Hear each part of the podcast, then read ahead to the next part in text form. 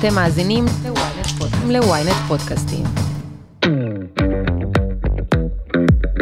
הרבה אנשים בזוגיות אומרים, אני מפחד לפגוע בך. אבל בתכלס, זוגיות אמיתית זה שני אנשים שאומרים, אני סומך עלייך להיות זאת שפוגעת בי. כי אני יודעת או יודע שאנחנו נחזיק את זה ביחד ונתפתח ביחד. אני כל כך אוהב אותך שאני מוכן שתפגעי בי. אור חי הוא פילוסוף מיסטיקן, יוצר חפיסת הקלפים סוד הצללים, מורה לעבודת צל וחוקר פסיכודרמה ושמניזם.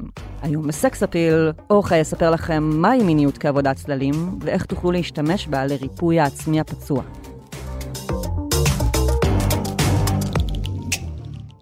היי, אתם ואתן על סקס אפיל, פודקאסט המיניות של ynet יחסים. אני לא רשתת מאור, ואיתי באולפן אור חי, פילוסוף, מיסטיקן, יוצר חפיסת הקלפים, סוד הצללים, מורה לעבודת צל וחוקר פסיכודרמה ושמניזם. אהלן אור. היי. אתה אומר אור חי כחלק מהשם פשוט? אור חי, כן. אור חי. אז אהלן אור חי. שלום, מה שלומך? איזה כיף שאתה פה. תודה, ממש כיף להיות פה. אנחנו יכולים uh, לדבר על uh, נושא מאוד מעניין ומסקרן, מיניות כעבודת צללים. Mm-hmm. זה שם קצת מפוצץ כזה. אז קודם אני אשמח, אולי תספר קצת טיפה למאזינים ולמאזינות על עצמך. מי אתה, מאיפה אתה מגיע, מה הקשר שלך לתחום הזה? אז אני אור חי באמת. אני uh, מתעסק בעבודת צל, אפשר להגיד בתכלס כל חיי, אבל בצורה מקצועית. אני התחלתי ללמוד פסיכודרמה לפני כמה שנים, uh, ומאז נכנסתי יותר ויותר אל עולמות הנפש, ודרכם גם אל עולמות המיסטיקה.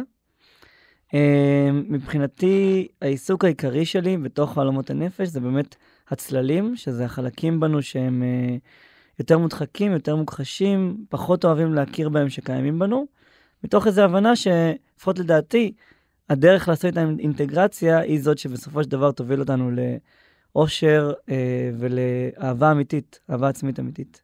ובעצם אתה אז בתפקידך מנסה לעזור לאנשים אה, לזהות מהם הצללים בעצמם ולהוציא אותם החוצה? אה, כן, אז גם לזהות אה, וגם לעבוד איתם. אני עובד בשיטה בעצם, סך הכולל של השיטות האלה, שנכנס תחת פסיכודרמה או עבודת דמויות או עבודת צללים, אה, אפשר לקרוא לזה בתכלס עבודה עם נפרדות הנפש. Hmm. אה, למשל, כל מיני תיאוריות כמו בודהיזם או תיאוריות רוחניות כאלה ואחרות, הן עובדות עם אחדות הנפש, עם להיזכר בזה שאני אחד. אז דווקא הדרכים האלה מדברות על להיזכר בזה שאני ריבוי, שיש בי כמה וכמה חלקים, אה. ולכל אחד מהם מגיע מקום. מגניב. אנחנו מדברות הרבה בפודקאסט על אה, העניין הזה של חלקים, של שכל אחד מורכב מחלקים, ולתת ביטוי לחלקים שלנו במיניות. Mm-hmm. ופה זה באמת, אנחנו, החלקים הם אה, בעצם חלקים סמויים מהעין, וחלקים שהם רוב האנשים מדחיקים בעצם, נכון? מה, כאילו, אתה יכול כזה להגדיר מה זה צל? בעצם יונג טבע את המונח הזה? נכון, אז זה מושג יונג טבע. צל זה אחד הארכיטיפים שהוא טבע. ארכיטיפ זה בעצם סוג של, אה, נקרא לזה דוגמה או תבנית שיש לנו בנפ... כן, בנפש שלנו, שכל בן אדם יכול להזדהות עם הרעיון הכללי של הדבר. Uh, הצל הוא בעצם הלא מודע שלנו, אה, ובו יש את כל החלקים שאנחנו לא באמת מכירים, לא באמת יודעים אה, שקיימים. לא, לא במובן שלא באמת יודעים, כמו, כמו שאמרתי קודם, מדחיקים ומכחישים. זאת אומרת, באיזשהו מקום אנחנו כן יודעים שזה קיים בנו, mm. אבל יש בנו פחד להזדהות עם החלקים האלה. אתה יכול לתת דוגמה? אה, אני יכול לתת דוגמה, בטח. לפני, אני, ברשותך, לפני הדוגמה, אני רגע אתאר את איך צל בכלל נולד. אוקיי. איך קורה דבר כזה. אז אפשר ממש ללכת, אם אנחנו מדברים על, באמת על אה, יונג, אז הוא, הוא חקר הרבה את uh, שלבי ההתפתחות. באופן כללי בפסיכואנליטיקה חוקרים הרבה את שלבי ההתפתחות של הילד, ואפשר לראות שלמשל יש מחקר מעניין מאוד שמראה שתינוקות לא ממש יודעים לזהות את ההבדל בין הגוף שלהם לגוף של האימא שלהם. אה, אין להם נפרדות בכלל. אין להם נפרדות, בדיוק. Mm. ובעצם הרעיון הזה של נפרדות לאט לאט לאט נבלע בתוכנו במוח. וכשאנחנו מתחילים לראות שיש יותר ויותר נפרדות, בעצם אנחנו מתחילים לראות אותה גם בחוץ וגם בפנים. ואז יש uh, כל מיני שלבים בהתפתחות של הילד, שבהם הילד מתחיל להבין שיש התנהגויות שיותר מטיב uh, להתנהג, והתנהגויות שפחות מטיב. Uh, יש התנהגויות שנותנות לו תגמול mm-hmm. uh, חיובי, ויש התנהגויות שאם הוא יעשה אותן, אמא שלו תגיד לו, נו, נו, נו, זה לא בסדר, אתה ילד רע. בדיוק, בדיוק. בעצם אני מחלק את זה לשלושה. האם אני אהוב או לא אהוב בעקבות ההתנהגות שלי? האם ההתנהגות הזאת מסבה לי עונג או כאב? והאם ההתנהגות הזאת מביאה לי אה, יכולת הישרדות טובה יותר או לא. Hmm. שהישרדות אצל בני אדם היא גם הישרדות אה, פיזית וגם הישרדות רגשית. מה זה הישרדות רגשית? הישרדות רגשית זה למשל אה, לא, לא, שלא יחרימו אותי, אה, למשל. לשרוד בתנאי חברה. בדיוק, אולי- בתנאי Mm, חברה אנושית. מעניין. אז אה, אנחנו כבני אדם, בעצם שלושת הפרמטרים האלה, פחות או יותר, קובעים לנו מה נחשיב כרע ומה נחשיב כטוב בשלבי ההתפתחות שלנו. וכל מה שאנחנו מחשיבים כרע, זאת אומרת, כהתנהגות שאסור לקיים אחרת, יהיה לי כואב או לא יאהבו אותי, או אה, יהיה לי חוסר, ישרד, חוסר, חוסר יכולת לשרוד, אז הם עוברים לצל. אלה התנהגויות שאסור לי לקיים. אה, אהה. וזה נכנס למחשכים, אבל זה עדיין קיים בתוכי, מהמם. אבל אני פשוט אה, מנסה לה, אני, להדחיק אותן, כדי להראות לעצמי שאני אדם יותר טוב בעצם. נכון, גם אני, בני אדם באופן כללי אוהבים לספר לעצמם שהם טובים, הם בסדר, גם אם אני עכשיו אראה שאני עושה משהו שהוא לא סבבה, תמיד יהיה לי איזשהו תירוץ, איזושהי סיבה ללמה דווקא אני מותר להתנהג ככה ספציפית עכשיו. יש איזשהו מעקפים שאנחנו מנסים לעשות, ובדרך כלל את ההתנהגויות הלא מטיבות אנחנו נשליך על האחרים. הם מתנהגים ככה, אה, הם עושים ככה, הם, הם רעים. אה. לפעמים בגלל שהם, אז אני יכול גם. בלי איזושהי הכרה אמיתית בזה שזה פשוט משהו שקיים בנו, ויש לזה מקום. בעבודת צללים ספציפית, אנחנו לא רק נותנים מקום לצללים, אלא אנחנו גם עושים איתם אינטגרציה. זאת אומרת, אנחנו מבינים למה הם בעצם מטיבים, למה יש להם מקום במציאות הזאת. אז מעניין מאוד, אז ואתה יכול לתת דוגמה לכל מיני צללים שאנשים באמת מדחיקים, מכניסים פנים? בטח, בטח. אז אה, לי יש חפיסת קלפים שבה יש 47 דוגמאות שונות לכל מיני אה, התנהגויות. 47 האלה זה מספר שאתה, שמה? אה, זה מספר שהגעתי אליו. אני עכשיו בונה את הגרסה החדשה של הקלפים, יהיו עוד קלפים, אבל כרגע הגעתי ל-47 קלפים. אתה ספרת 47 התנהגויות בעצם? 47 או התנהגויות, או רגשות, או קונספטים נפשיים שלנו יש כבני אדם, שרוב בני אדם יגידו שהם שליליים. זה יכול להיות דברים יומיומיים כמו ביקורתיות ושיפוטיות, וזה יכול להיות גם החלק בי שרוצה לרצוח, כן? יש שם מתרס מאוד מאוד אה, או רחב. הרס עצמי נגיד? למשל, הרס Mm. עצמי. אני יכול לתת דוגמה נגיד עם הרס, הבאת את זה דוגמה יפה, אני אתן את זה כדוגמה לצל. אז הרס, והרס עצמי בפרט, זה חלק בנו, הרס מקושר לשינוי. זה, מדברים, אה, בעולם המיסטיקה מדברים על כל מיני ארכיטיפים שונים, אז הארכיטיפ הפניקס הוא אה, קשור לדבר הזה, ובעצם אנחנו מדברים על זה שצל, הצ, החלק בנו שרוצה להרוס, הוא בעצם החלק בנו שרוצה לשנות. כי כדי אה, ליצור משהו חדש, אני צריך להרוס את הישן. כן. וגם, למשל, הרס עצמי, כל מיני, כשאני עושה פעולות של הרס עצמי, אני בעצם רוצה לעשות שינוי בעצמי. אני רוצה, אני מספיק, כאילו, אם אני מספיק להרוס, אולי אני סוף סוף אסכים לשינוי. שזה כאילו אוקסימורון, כי ההרס עצמי זה בעצם, אין המשכיות. זה בעצם ההרס הסופי בעצם. בדיוק, כי זה, כש, כשזה מגיע בצורה שהיא חסרת אינטגרציה, אני לא יודע איך להשתמש בצל הזה בצורה מטיבה, אז אני משתמש בו בצורה לא מטיבה. בין אם כי אני מתכחש אליו וזה פשוט קורה, ובין אם אני פשוט נשאב אליו. אפשר בעצם להיות, אה, להשתמש בצל ללא המתנה שלו, ואפשר לא להשתמש בצל ולהפסיד את המתנה שלו. אהה. אה, ובחפיסת קלפים שלך אתה בעצם מציע את האופציה שיש מתנה בכל צל בעצם. Mm-hmm. זאת אומרת, מבחינתי יש משפט ביהדות למשל, שאומר את זה מאוד יפה, אמ, רע זה טוב לא במקום שלו. זאת אומרת שאין באמת דבר כזה שהוא רע. גם דיברנו על זה קודם, שרוע זה דבר סובייקטיבי. אני כסובייקט מחליט מה זה הוא טוב, מה תלוי זה רע. תקופה וזמן בעצם. בדיוק. בעצם התינוק הוא, הוא זה שמחליט עבורו לאט לאט מה, מה זה טוב ומה זה רע, לפי הפרמטרים שהבאנו קודם, וגם פרמטרים חברתיים כאלה ואחרים. אה, אני יכול למשל לתת כדוגמה. אה, אבל בעצם המצפן של התינוק זה הדמות המטפלת. היא זאת שקובעת מה טוב ורע. אה, הדמות המטפלת בהתחלה, כן, היא קובעת המון, וגם החברה אחרי זה, למשל בגן ובכל מיני אה, מסגרות כאלה ואחרות. אה, יש אה, מודל היופי, אני מניח שזה מושג שאת מכירה. יש מושג קצת פחות מוכר, שאני מאוד מאוד אוהב, שקוראים לו מודל האופי. Mm. וזה בעצם שלחברה, באופן כללי לכל חברה, יש איזשהו מודל אופי מסוים. איך נכון להתנהג בחברה, אה. ואיך אידיאלי להתנהג בחברה. אלה שתי דברים שונים. אהה. כי יש את כאילו, איך האדם הנורמטיבי טוב שהוא יתנהג, ואיך האידיאל טוב שהוא לאן יתנהג. הוא צריך לשאוף בעצם. בדיוק. אם הוא רוצה להיות אדם יותר טוב. מהמם. ואז זה טוב, וכל מה שהוא נוגד את האידיאל זה רע. ויכול להיות שיש התנהגויות שנוגדות את האידיאל כרגע בחברה, והן עלולות להיתפס כרע, למרות שהן בתכלס התנהגויות לגיטימיות, או שאפשר לפחות להפוך אותן ללגיטימיות. כמו מה? אז אני אתן לך דוגמה נגיד על החברה שלנו, אה, ברוטליות. למשל, ברוטליות היא דבר שמאוד לא לגיטימי בחברה שלנו, כן. בחברה שהיא יחסית נימוסית, אבל מאחורי ברוטליות יש מתנה מופלאה, שאני יכול לקרוא לה פראיות ילדית. Hmm. זאת אומרת, איזושהי פשוט משחקיות, פראיות כזאת, היא יכולת לתת לה, שזה מאוד מתקשר גם למיניות, לחלק הפראי שבי פשוט לשחק. אמ, ואם אני אעשה אינטגרציה נכונה לחלק הוולגרי שלי, שהוא החלק הפראי יותר, ושכביכול לא מתחשב בסביבה, זה לא שהוא לא מתחשב בסביבה, כמו שהוא מתחשב בעצמו פשוט. אם אני אעשה אינטגרציה בין החלק שלי שמתחשב בסביבה לחלק שלי שמתחשב בעצמי, אז אני אוכל להגיע פשוט לפראיות משחקית ילדית. תוכל לתעל את זה למקום בדיוק. חיובי.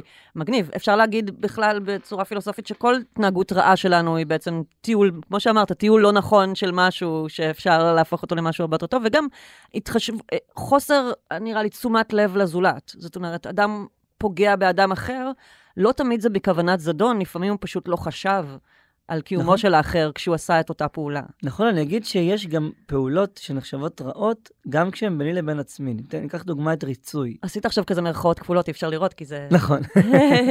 אה, ניקח לדוגמה את ריצוי. שריצוי כביכול, אני מאוד מתחשב בסביבה, נכון? אני מאוד רוצה לתת. אבל עדיין יש פה איזשהו משהו שהוא בעייתי. אני יכול להגיד שקל יותר להתחשב בסביבה, כשאני לא מחשיב את עצמי כחלק מהסביבה. הרבה אנשים נוטים לא להתחשב בעצמם, ואז ברור שיהיה לך קל להתחשב בסביבה, כי הבן אדם הכי חשוב כרגע, שהוא אתה, מי שבאמת יש לך אחריות עליו, עליו אתה לא לוקח אחריות. אה. אז יש פה אז זה גם מקום איזה... של ריצוי כבר. בדיוק, שריצוי, אני מגדיר אותו כ...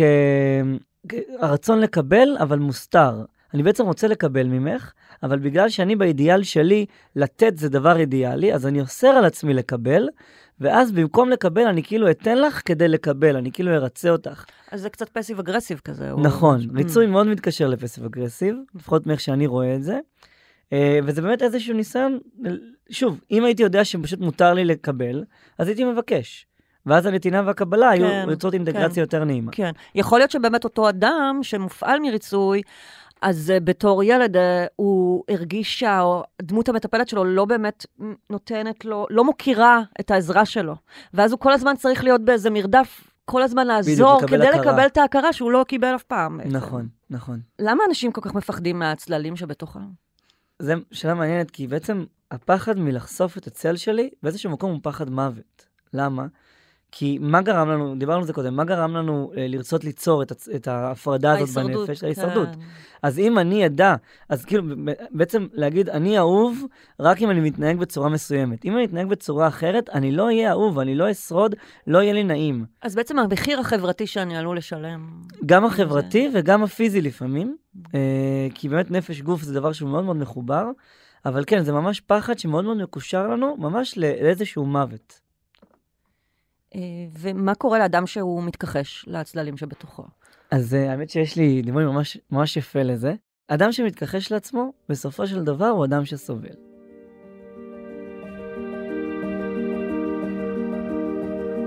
אני מגדיר סבל, ככל שהסבל שלי גדול יותר, זה בעצם אומר שהניתוק שלי מעצמי גדול יותר. ניתן נגיד דוגמה מאוד יפה. בוא נגיד שיש אה, פרחים, כן? פרחים וצמחים שעושים פוטוסינתזה, נכון?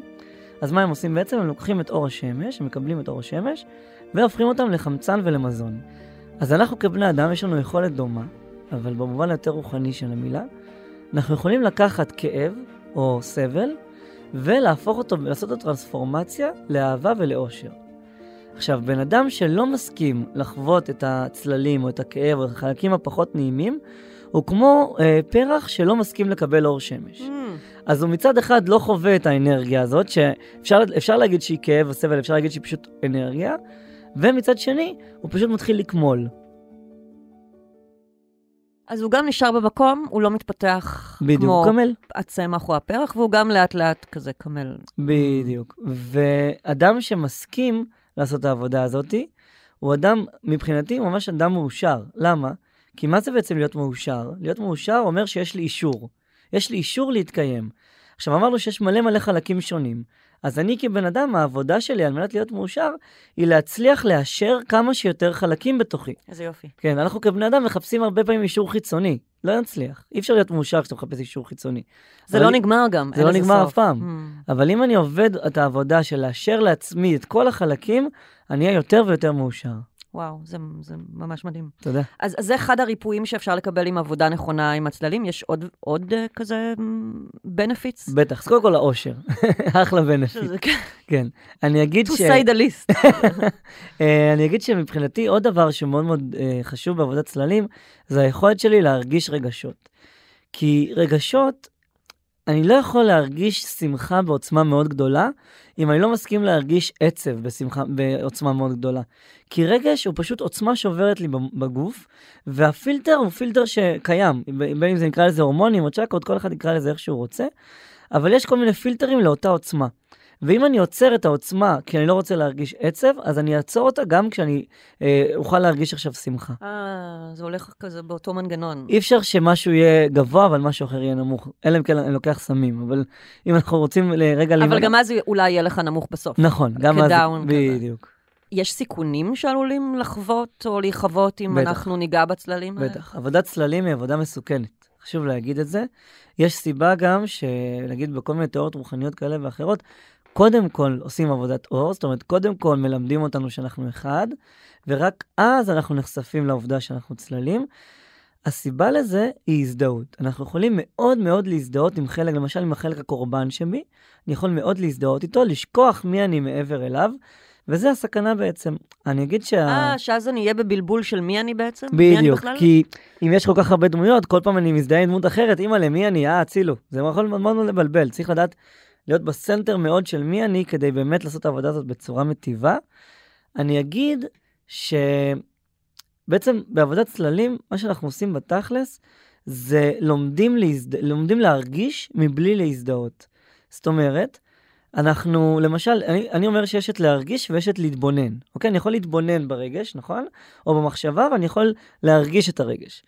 עכשיו, מה הסכנה בלהתבונן? הסכנה בלהתבונן זה להתנתק. הסכנה בלהרגיש זה להזדהות.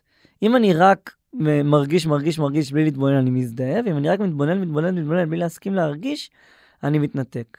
יש את האמצע... ואתה נשאר מנותק, כן, אתה נשאר מנוכר בדיוק, אתה. מנוכר, אתה לא באמת uh, שם. אז יש את האמצע, שהאמצע, אני קורא לו התבוננות רגשית. שזה הסכמה להתבונן ברגש, ויחד עם זאת, להרגיש אותו במלואו ולתת לו, לתת לו להיות. Uh, כי רק ככה אני יכול להגיע למצב שאני באמת חי את מה שחי בי, אבל גם מגן על עצמי מההזדהות יתר עם הדבר, ומלשכוח שאני הרבה יותר מזה. וואו. אז זה כאילו תוחם את זה באיזה מין גבול מסוים, לא? כדי שלא תיכנס all in לתוכו מבחינת ההזדהות, אז אתה נשאר, אתה שומר על עצמך, על, על מרווח מסוים. אז אני אגיד שאנחנו דווקא כן נכנסים all אה. in.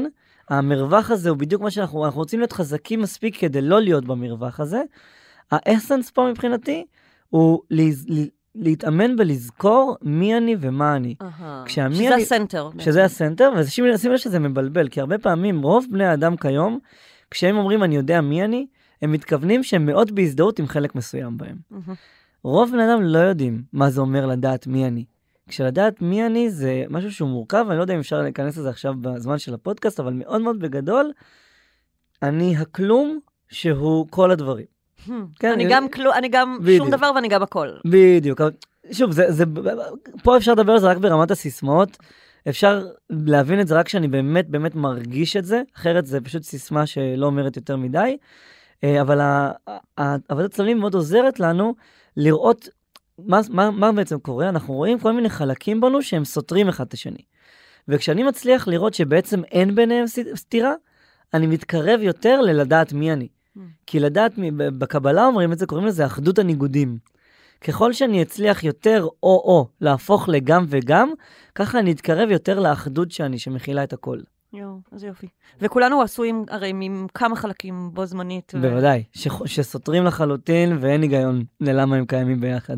תכף ממשיכים. פרסומת קצרה וחזרנו. שלום, כאן עופר שלח. במדינה שבה יש בחירות כל שנה, במקרה הטוב, ופרשה חדשה בכל שעתיים, מישהו צריך לדבר על מה שחשוב לנו, האזרחים. בכל פרק של האמת היא, אנחנו נשוחח עם דמות בחירה אחרת על סדר היום העתידי שלנו כאן בישראל. שזו דרכי להגיד לכם שנדבר על כל מה שחשוב שהפוליטיקה תעשה בשבילנו, אבל היא לא תמיד עושה, לא ברור אם היא יכולה לעשות. אז תעקבו אחרי העונה החדשה של האמת היא בוויינט, ספוטיפיי או באפליקציית הפודקאסטים שלכם. תבואו, יהיה מעניין. האמת היא, עם עופר שלח. עם עופר שלח.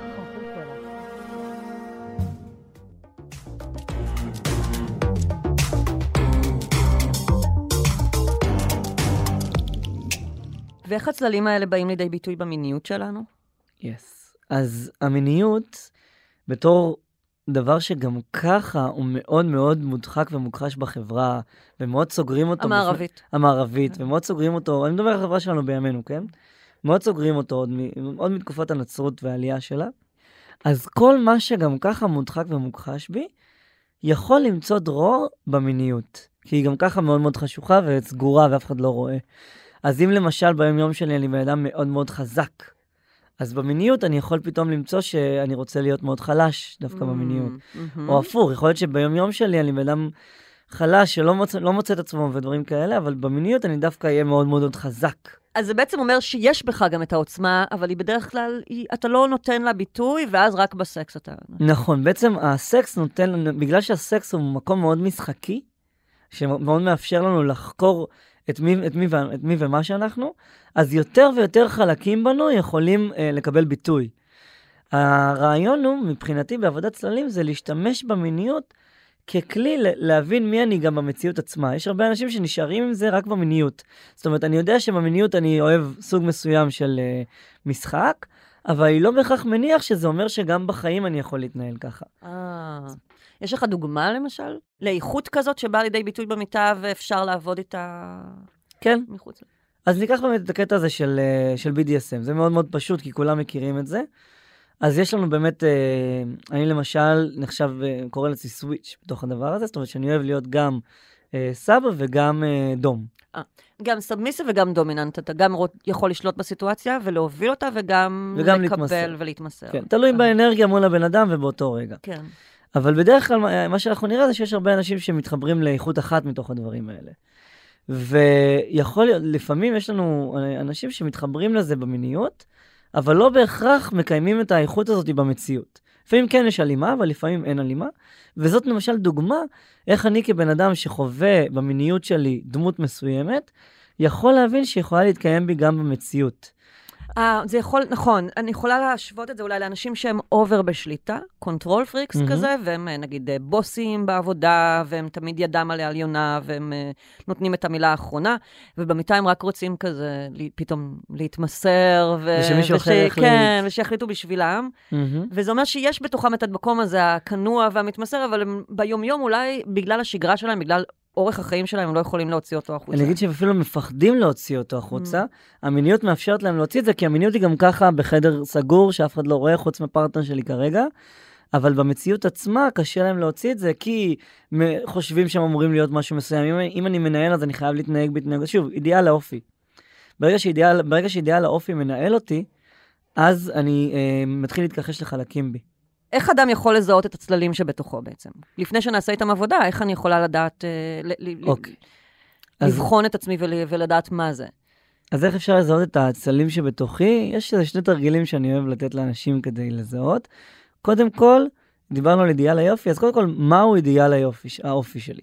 ברגע שאני אבין מה אה, אסור לי ומותר לי לעשות, לפי אידיאל האופי הזה, אני אוכל להבין מה הצללים שלי, שהצללים שלי הם בעצם מה שאסור לי לעשות, בהינתן ואידיאל האופי הזה. עוד דרך היא להתחיל לראות איזה אנשים אני שופט. אה, לחומרה? לחומרה. איזה אנשים אני חושב שההתנהגות שלהם לא, לא טובה. ואז להבין שכנראה יש שם משהו שאני לא מרשה לעצמי לעשות. Hmm. או שנורא בא לי בסתר, ואני לא... בהכרח כנראה זו הסיבה. כן. אה, אוקיי, ויש לך דוגמאות לתרגילים זוגיים שאפשר לעשות ביחד כדי לעזור להוציא את. הצללים אחד של השני? אז uh, אני אגיד משהו רגע על זוגיות באופן כללי. זוגיות היא פלטפורמה מדהימה לעבודת צללים, בגלל שהיא מחייבת אותנו להמון המון המון אינטימיות. מה זה אינטימיות בתכלס? אינטימיות זה ההסכמה להראות עוד ועוד חלקים בי. אם אני ואת נראה יותר ויותר חלקים אחד בשנייה, ככה האינטימיות שלנו יותר גדולה, נכון? כן. אז ככל שבני אה, הזוג... כי אז אני באמת אכיר אותך יותר, לעומק, בדיוק. מה שנקרא. כי זה, אני הרי, אמרנו, אני אף אחד מהחלקים שבי, אבל ככל שאת תכירי יותר חלקים בי, ככה תכירי יותר את המכלול שאני. אז אם למשל, יכול להיות מצב שנגיד בני הזוג, אחד מהם באינטימיות מאוד גדולה, כי הוא מאוד מאוד חושף, אבל השני לא. ואז יש איזשהו פער ואיזשהו, אני מרגיש שאני מכיר אותך, אבל את לא ממש, כאילו לא מכירה אותי כל כך, או כל מיני דברים כאלה. אה, אז מה, ש, מה שקורה עם צללים זה שבדרך כלל בני הזוג מגלים אותם בתוך ריב. בזמן Mm. ריב, אני פתאום מגלה כל מיני צללים שלך. וזה לא בהכרח נעים, לא דרך נעימה לגלות את זה. ממש לא. אז למשל, מה שאפשר לעשות עם הקלפים שלי, שנקראים סוד הצללים, אגב, בגלל זה אומרים כזה שהפרצוף האמיתי של האדם מתגלה כשהוא כועס, ולא. במצב טוב. בכיסו, כעסו, ולא זוכר, וכוסו. כוסו, כיסו וכעסו. כן.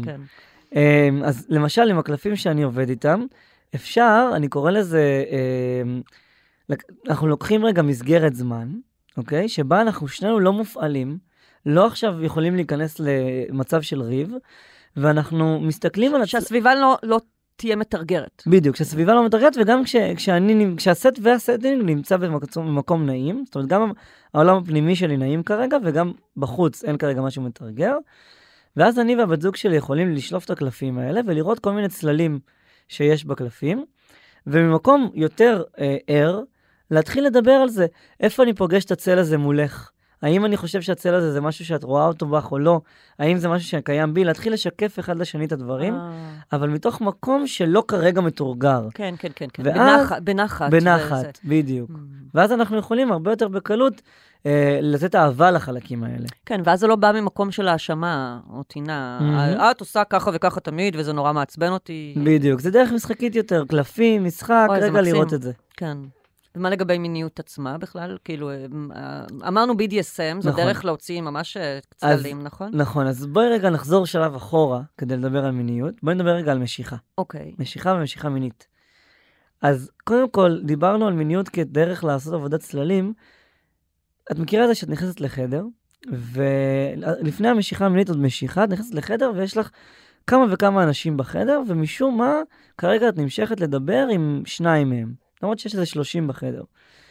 המשיכה הזאת שאנחנו נמשכים אל אנשים מסוימים, היא בעצם סוג של מצפן עבורנו למי הם השיעורים, למי הם האנשים שאיתם אנחנו נחווה שיעורים. Hmm. כשמה זה שיעור? זה בעצם הלא מודע מושך אותי לאנשים מסוימים שיכולים להעביר אותי התפתחות מסוימת. בדיוק, בדיוק, בעזרת כוח המשיכה הזה. באמצעות האינטראקציה עם הבן אדם הזה, אני אחשף לחלקים שהם לא בהכרח נעימים בי, כדי שאני אוכל לעשות להם אינטגרציה. בגלל זה לרוב אנחנו נימשך לאנשים שכאילו לא, זה כזה, נגיד היה לי חברה ממש טובה שאמרה לי, "לא אני לא מבינה למה אני נמשכת לדושים כל הזמן. כשבעצם זה משהו מאוד אנושי. שאלה מאוד אה, קלאסית ומוכרת, כן. אה, מאפיינת הרבה נשים. כשבעצם אפשר להגיד, זה לא בדיוק שהיא נמשכת לדושים, או שאנחנו נמשכים לאנשים שרעים לנו, כמו שאנחנו נמשכים לאנשים בהכרח שיפעילו אותנו, Mm. על מנת שהצללים האלה יצאו, כדי שנוכל לעשות אינטגרציה ולגדול כבני אדם. אנשים שלמשל, זאת אומרת, זה לא סתם, זה לא צירוף מקרים. זה ממש לא צירוף מקרים, זה ממש מכוות, הגוף שלנו והנפש שלנו מכוותים לדברים האלה.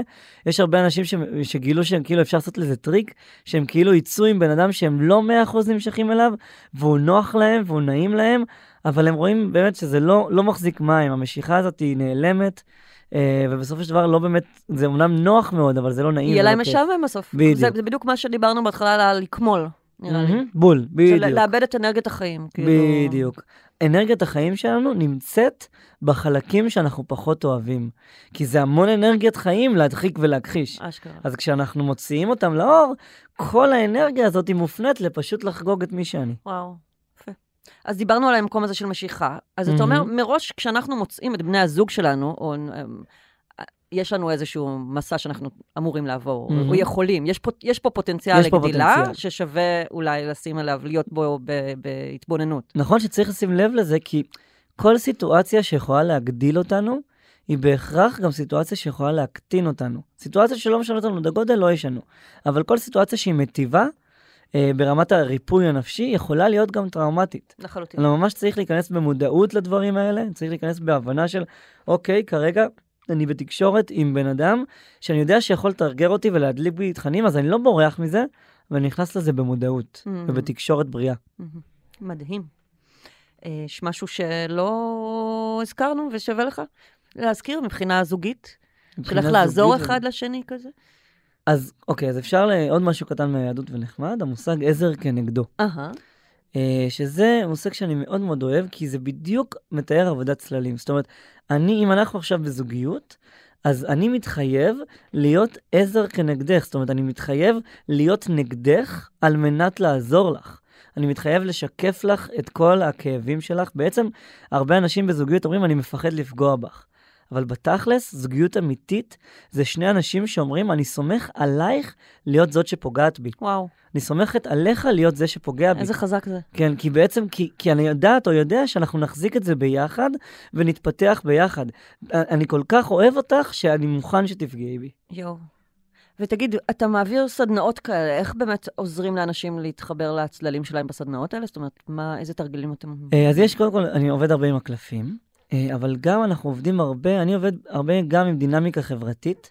זאת אומרת, הרבה מהצללים נחשפים על ידי שיקופים ועל ידי עבודה חברתית, בתוך, מן הסתם, אה, מיכל שיכול להכיל את זה. זאת אומרת, אני, ב- ביום-יום, אני לא בהכרח אבוא לבן אדם ויגיד לו, היי, אתה שומע, אתה אה, שוויצר, נגיד, לא יודע. Hmm. אבל מול, במר, במר, במרחב מוגן, אז יכול להיות שעכשיו חלק מהתרגיל זה, אני עכשיו יושב מולך, מסתכל לך בעיניים, ונותן לך את כל ההשלכות שלי עלייך. וואו, פשוט במקום נקי של, יכול להיות שאני אפילו עדיין לא באמת מכיר אותך. כן, כן, כן. וגם לפחד לטעות, לא, זה לא חייב להיות נכון, אבל זה מה שאני מרגיש ממך, ואז את יכולה לקבל מזה הרבה ערך. כן. אז זה נגיד בדינמיקה החברתית. אנחנו עובדים גם הרבה עבודת גוף. הגוף שלנו הוא, למשל, יש לי שותף שאני עובד איתו, שעובד בשיטת ריברסינג, שזה נשימה מעגלית. הגוף שלנו צובר הרבה הרבה מטענים. אה, אני מגיע מעולם השמניזם, אנחנו מדמים רגשות למים, ובעצם... גם דיברנו על זה באחד הפרקים שלי, על שפיכה נשית, אז, מהמם. אז אביגיל שהתראיינה ממש מדברת על ההפיכה של הרגש הזה למים. ל... יפה, בדיוק. אז זה ממש אה, מים ורגש הולכים מאוד מאוד חזק ביחד, והמורה שלי מדבר על זה שרגש תקוע בגוף זה כמו ביצה. ביצה זה מים שהם לא זורמים והם נהיים, הם נהיים אה, מסריחים, כן. ואז זה נהיה תקוע ולא נעים. והוא אומר מאוד יפה, מים הם נקיים זה מים זורמים. רגש בריא זה רגש שנותנים לו לחיות בגוף, שנותנים לו לזוז. אז טראומה שצרובה בגוף, זה ממש אה, ב, כמו ביצה שצריך לפרוק אותה, לתת לה לזוז ולנוע בגוף. ואנחנו עושים את זה עם הרבה עבודה גופנית והרבה, אה, נקרא, הגפנה.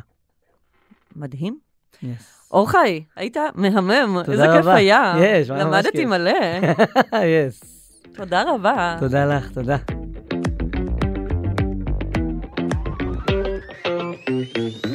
עד כאן סקסופיל. מוזמנות ומוזמנים לעקוב אחרינו ב ynet, ספוטיפיי או בכל אפליקציית פודקאסטים שמועדפת עליכם. נשמח מאוד אם תדרגו אותנו באפל ובספוטיפיי, ואתם יותר ממוזמנים להצטרף לקבוצת הפייסבוק שלנו, סקסופיל הפודקאסט, הקבוצה לדיונים, ולספר לנו מה חשבתם על הפרק. עורך הפודקאסטים הוא רון טוביה, על הסאונד גיא סלם. אני לאור רשתת מאור, נשתמע בפעם הבאה.